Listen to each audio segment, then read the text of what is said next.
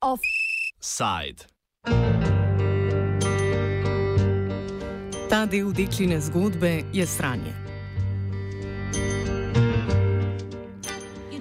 Na pustno soboto je v Zagrebu potekal protestni shod, v katerem so ženske, oblečene v kostume služabnic iz serije Deklina zgodba, opozarjale na nujnost ratifikacije Istanbulske konvencije na Hrvaškem.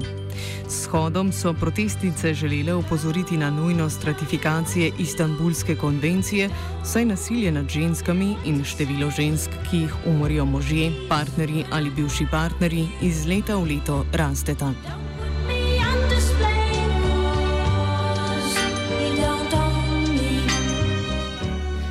Istanbulska konvencija je konvencija Sveta Evrope o preprečevanju in boju proti nasilju nad ženskami in nasilju v družini.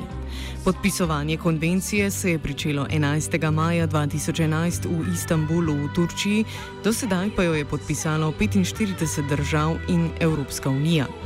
12. marca 2012 je Turčija postala prva država, ki je konvencijo tudi ratificirala, sledilo pa je še 20 držav, med njimi leta 2015 tudi Slovenija. Istanbulska konvencija je prvi pravno zavezujoč dokument, ki ustvarja celovit pravni okvir in pristop k boju proti nasilju nad ženskami. Osredotoča se na preprečevanje nasilja v družini, zaščito žrtev in pregon storilcev tovrstnih kaznjivih dejanj.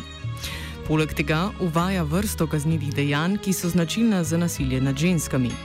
Države, ki ratificirajo konvencijo, morajo kaznovati več kaznjivih dejanj, vključno s psihološkim nasiljem, zalezovanjem, fizičnim nasiljem, spolnim nasiljem, prisilno poroko, pohabljanjem ženskih spolnih organov, prisilnim splavom in prisilno sterilizacijo.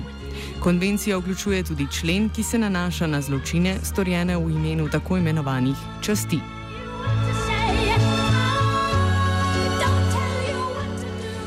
Konvencija pa vsebuje tudi definicijo spola, angliško gender, ki je opredeljen kot družbeno konstruirana vloga, vedenje, dejavnost in lastnosti, ki jih določena družba šteje za primerne za ženske in moške. In zaradi te definicije se je postopek ratifikacije v nekaterih državah zataknil, med drugim tudi v Bolgariji in, in na Hrvaškem, kjer je potekal protestni shod. Konzervativni aktivisti so v definiciji spola opazili grožnjo za tradicionalno družino ter oktobra lani organizirali tudi protest proti ratifikaciji konvencije. You don't own O pomenu ratifikacije Istanbulske konvencije na Hrvaškem smo se za današnji offside pogovarjali z Natašo Medved, izvršno direktorico Centra za ženske študije v Zagrebu, ki je bil tudi med organizatorji protestnega shoda v soboto. Za začetek Nataša Medved pojasni, zakaj je potekal sobotni shod ter kdo so bili organizatorji in sodelujoči. Ove godine je organiziran uh, prosvjedna, organizirana prosvjedna akcija e, kojom se željelo ukazati da Hrvatska mora što hitnije ratificirati Istanbulsku konvenciju i organizirale su je brojne ženske udruge, aktivistice, pojedinke i pojedinci. E, između ostalog i Centar za ženske studije, ali zaista tu su još i druge ženske e, organizacije s kojima zapravo već tradicionalno i organiziramo ovu kampanju Milijarda ustaje ili OBR. Na protestu so ženske, ki so žrtve nasilja, povedale svoje zgodbe. Udeleženci pa so brali tudi odlomke iz Istanbulske konvencije, ki je po mnenju Nataše Medved v javnosti premalo krat obrazložena. Na prosvjedu su čitale uh, žene koje su uh, žrtve nasilja, koje su doživjele nasilje, čitale su se, čitalo se, e, čitale su se svjedočanstva, kao i izvaci kratke crtice iz Istanbulske konvencije, jer mnogo se o Istanbulskoj konvenciji govori, a stječe se dojam da zapravo je javnost slabo informirana. Hrvaška je podpisnica Istanbulske konvencije, a ženske na Hrvaškem še vedno čakajo na ratifikacijo, ki jih bo ščitila pred nasiljem in jim omogočila nemoteno izpeljavo pravnih postopkov proti napadalcem.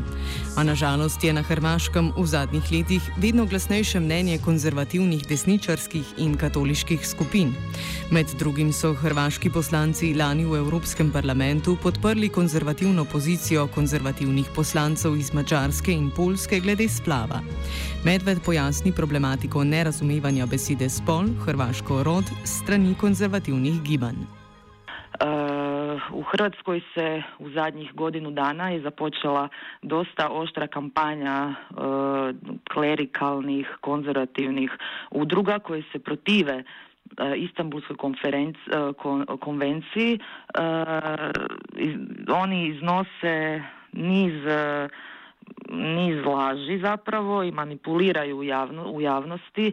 E, na primjer, e, njima je sporno da u Istanbulskoj konvenciji uopće stoji oznaka rod. Ako znamo da je rod zapravo e, terminus tehnicus u društvenim i humanističkim znanostima još od 70. godina, dakle to nikako ne može biti prijeporno.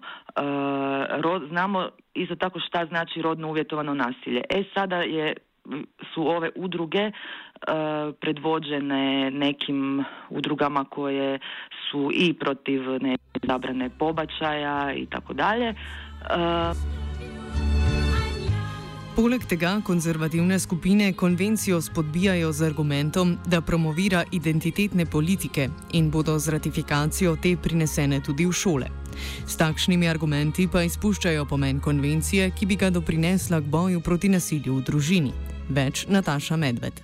Manipuliraju i govore u javnosti da je to uvođenje rodne ideologije na mala vrata u hrvatsko zakonodavstvo, do raznih čak već i onako na granici dobrog ukusa, da ne kažem na granici ludila nekakve uh, insinuacije kako djeca, kako će tom konvencijom djeca u školama, će ih učiteljice na primjer pitati da se oni sami izjasne da li su curice ili dječaci.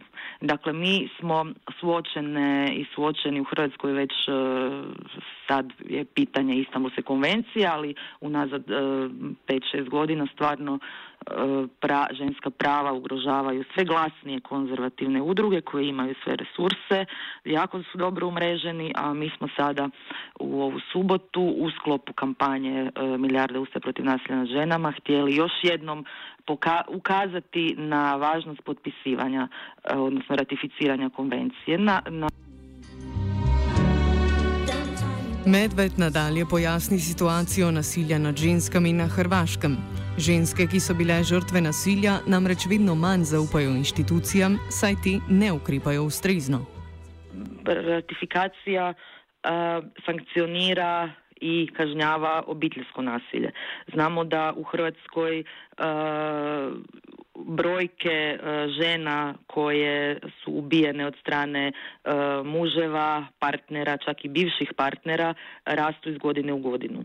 Mi imamo jako puno žena koje su e, žrtve obiteljskog nasilja, a koje to nasilje se manje prijavljuju zato što su izgubile povjerenje u institucije koje ne rade svoj posao ili institucije koje e, ženu koja je doživjela nasilje i koja to dođe prijaviti e, izjednačavaju s počiniteljem, pa tako i, i žena žrtva dobije prijavu za uznemiravanje javnog reda i mira, na primjer. Dakle, tu, tu su stvari koje Istanbulska konvencija jako dobro propisuje i Hrvatska će se pod ratificiranjem obvezati da te stvari e, počinje provoditi. Dakle, naravno, prvi korak je ratificiranje, a tek onda ćemo mi morati uh, i tekako dobro pratiti koliko će se e, te stvari provoditi. Problematika, s katero se srečujejo žrtve nasilja, pa je tudi nefinanciranje varnih hiš, kar je le eno izmed področji življenja žrtev, ki bi ga ratifikacija Istanbulske konvencije na Hrvaškem olajšala. To to je druga bitna stvar. Dakle, konvencija propisuje, kako znamo, i broj skloništa U Hrvatskoj su danas skloništa, dakle zaštićene ženske kuće u jako teškom položaju, nisu financirane iz proračuna, sprijetim zatvaranje i tako dalje. Dakle, Hrvatska će i tu morati izdvojiti sredstva da se, da se to osigura. Onda, naravno, u svim drugim područjima života od nekog radnog okruženja, ali najvažnije ovo obiteljsko okruženje gdje se gdje će se dakle žene i djeca kao žrtve nasilja zaštititi. Nataša Medved z Centra za ženske študije v Zagrebu pojasni, da hrvaška zakonodaja ni pomankljiva in omejitev nasilja nad ženskami ne bi smela biti problematična. Kot problematično pa Medved opaža neizobraženost policije in ostalih represivnih organov. Pa zakone mi imamo dobre. Postoji niz zakona koji e, štite već e, žene i koji, sankcioni, koji dakle, bi trebali sankcionirati rodno uvjetovano nasilje, ali ti zakoni se ne provode. Tu je, postoji cijeli niz problema, postoji dakle i ne neka vrsta needuciranosti, ne znam, policijskog osoblja na primjer, pa onda to ide e, se sve, sve do suda i tako dalje.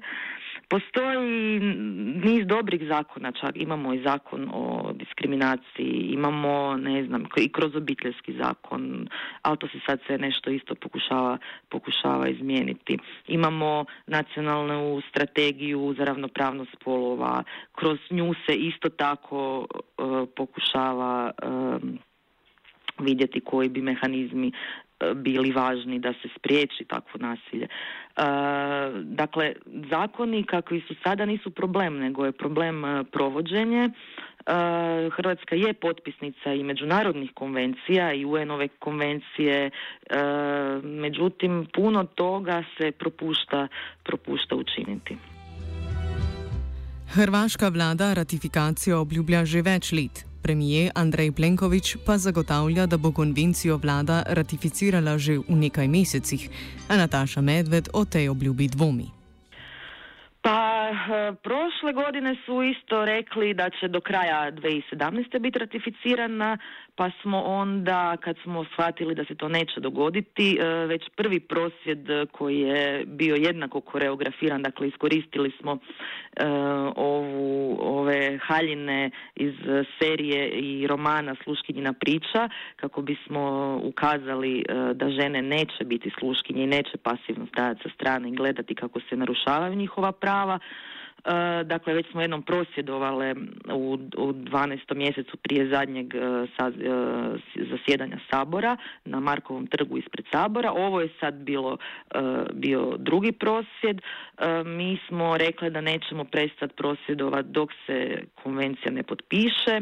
Vrlo čudne izjave se čuju od premijera. Naravno, on je za potpisivanje, ali onda opet postoje neki pritisci upravo ovih drugih nekakvih e, konzervativnijih e, struja i u samoj vladajućoj stranci i koaliciji. E, tako da stvarno ne možemo, ne možemo biti sigurne, možemo jednim dijelom vjerova da postoji neka dobra volja od samog premijera, ali on očito nema dovoljnu političku snagu e, ni neki autoritet e, da, da on to zaista i provede, nego se cijelo vrijeme govori o tome kako će se probati uzeti u obzir e, sve strane, svi argumenti, ali mi ne možemo javnu raspravu voditi na toj razini Konzervativne skupine, ki v današnjih dneh spodnašajo ratifikacijo Istanbulske konvencije, so iste skupine, ki so pred petimi leti na referendumu nasprotovale istospolnim porokam in širile nestrpnosti. Te skupine se opirajo na verske dogme in strah pred drugačnostjo ter zanikajo uradne statistike. Več Nataša Medved. Koji su, to su sve iste struje koje su pred pet godina e, zdušno radile na referendumu, koji, na referendumu protiv gej brakova, koji dan danas e, potiču, e, imaju, ne znam, i, potiču takvu, takvu takav diskurs netrpeljivosti, dakle s takvom stranom koja jednostavno ne govori čak ni na znanstven, ne poziva se ni na znanost, nego se poziva na neke dogme i na neke strahove neutemeljene. Dakle, ne znam do, do koje granice će i sam premijer i ne znam cijela struktura biti tao, taoc e, tih, tih struja. Kot že omenjeno, hrvaška politika tudi v Evropskem parlamentu zauzema vedno bolj konzervativno pozicijo glede splava. Splav je na Hrvaškem trenutno legalen do desetega tedna nosečnosti, kasneje pa le v posebnih situacijah. Vprašanje splava pa bi bilo lažje reševati, če bi vlada ratificirala Istanbulsko konvencijo. Več Nataša Medved.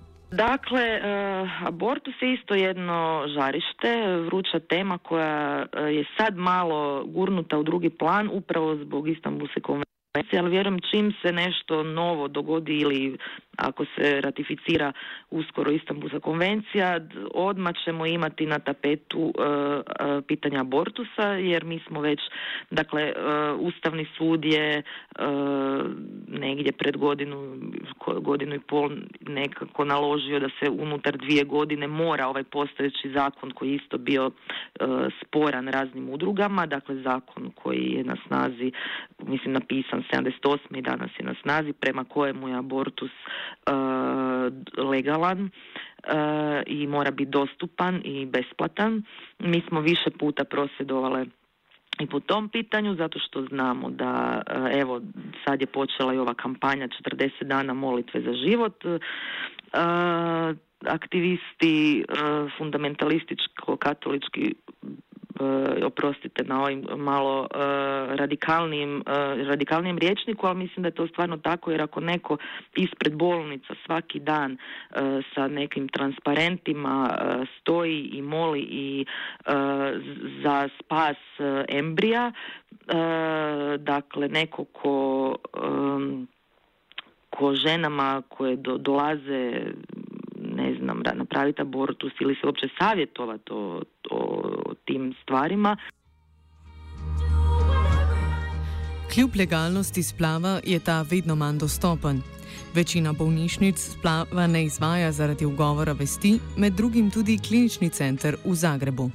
Evo, mislim da je zapravo sve ovo što se događa u Hrvatskoj i po pitanju abortusa i uopće po pitanju napada na neka stečena ženska prava, da je to sve dio E, te jedne e, dakle šire šire agende tih e, katoličkih. Mislim, znamo da to sve pojam uopće rodne ideologije dolazi iz, iz Vatikana, to je način na koji su se, na koji bi se crkva trebala nositi sa svim onime što je feminizam kao pokret i kao teorija postigao od sredine prošlog stoljeća i u ovom stoljeću posebno se to odnosi na sva ona postignuća e, što se tiču LGBT zajednice. Dakle, e, nismo jedini, mislim da se moramo negdje tu prepoznati i šire internacionalizirati našu borbu protiv ovih nazadnih, nazadnih ne znam, diskursa i, i, i priča.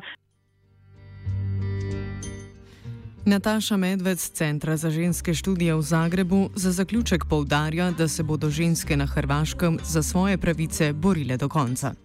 Mi v Centru za ženske studije uh, i dalje imamo uh, naš uh, program iz ženskih studija, interes je velik, uh, studenti nemaju gdje na fakultetu se ne može u Hrvatskoj studirati ženski ili rodni studij i zaista on, postoji velik broj e, i mladih, ali mi primamo u naš obrazovni program e, ne samo studente, nego nemamo, nemamo tu vrstu ograničenja. Dakle, uh, velik je posao pred nama.